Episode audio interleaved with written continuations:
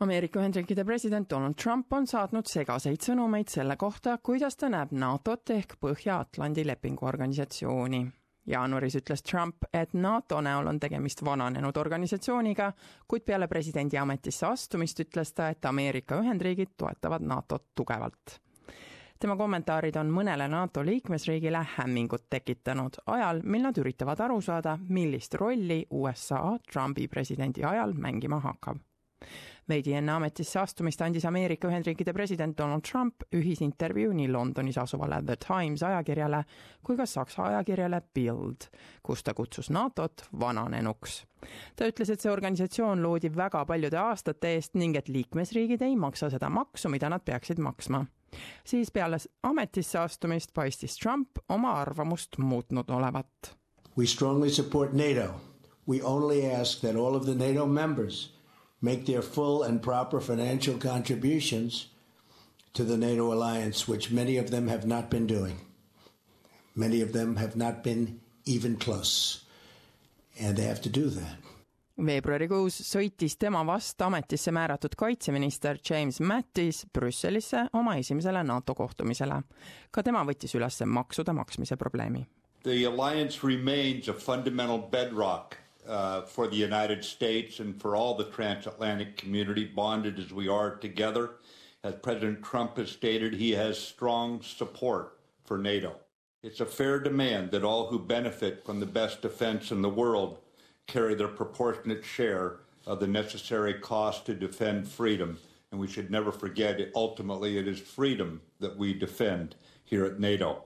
Seejärel eelmisel nädalavahetusel toimunud ühisel Saksa kantsler Angela Merkeli ning Trumpi pressikonverentsil esines president taas NATO maksuteemalise kommentaariga. Many nations owe vast sums of money from past years and it is very unfair to the United States. These nations must pay what they owe. kuid endine USA suursaadik NATO-s Aivo Daalder on selles küsimuses seoses presidendiga Twitteris sõna võtnud. tema sõnul ei võlgne NATO riigid Ameerika Ühendriikidele midagi, kuna see ei ole, kuidas NATO rahastusmudel töötab. ning Daalder ütles USA riiklikule raadiole, et iga NATO riik otsustab ise, kui palju nad kaitsekulutusteks kulutavad ning kuidas see raha kulutatakse ta ütleb, et talle tekitab muret, et Trump rõhutab sellele mõttele, nagu teeks Ameerika Ühendriigid teistele riikidele teene ning nagu need riigid peaksid selle eest maksma. The United States is in NATO not as a favor to Europeans, but because it is in the vital interest of the United States. We fought two world wars and a long Cold War in Europe in order to ensure that this was a continent that was whole, free, and at peace. It is whole, free, and at peace, in large part because of the commitment that the United States and all allies have made to the defense of Europe over the past 69 years. And we should continue to do that. So it's this idea of a transaction as opposed to a treaty commitment that I think we should focus on. lepingu kohustus põhineb kollektiivkaitse mõistel, mis tähendab, et ühe või rohkema liikmesriigi vastu tehtavat rünnakut nähakse kõigi liikmesriikide vastase rünnakuna NATO-l on olemas ametlik eesmärk, mis näeb ette, kuidas iga liikmesriik peaks oma kaitsekulutusi kasutama.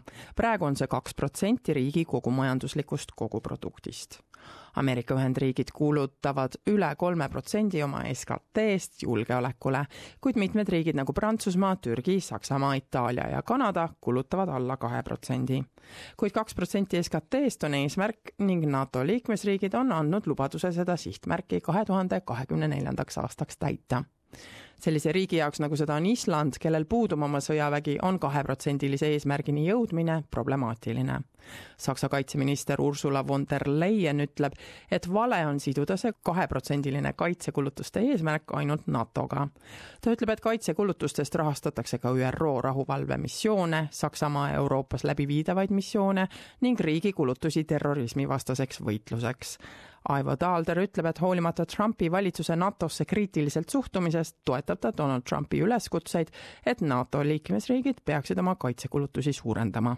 NATO agreed in 2014, in the aftermath of the Russian invasion of Ukraine and the annexation of Crimea, to start spending at least 2% of GDP on defense and to do so by 2024. A number of countries are now coming to that 2% mark. Traditionally, there have been five, but new countries, Latvia, Lithuania, Poland, are all coming closer to that 2% mark. I think the president is exactly right to chastise Europeans for not spending enough on defense. It's something that every president has done. Barack Obama called European allies free riders, and it's perfectly valid to point out that Europe needs to pay more on defense.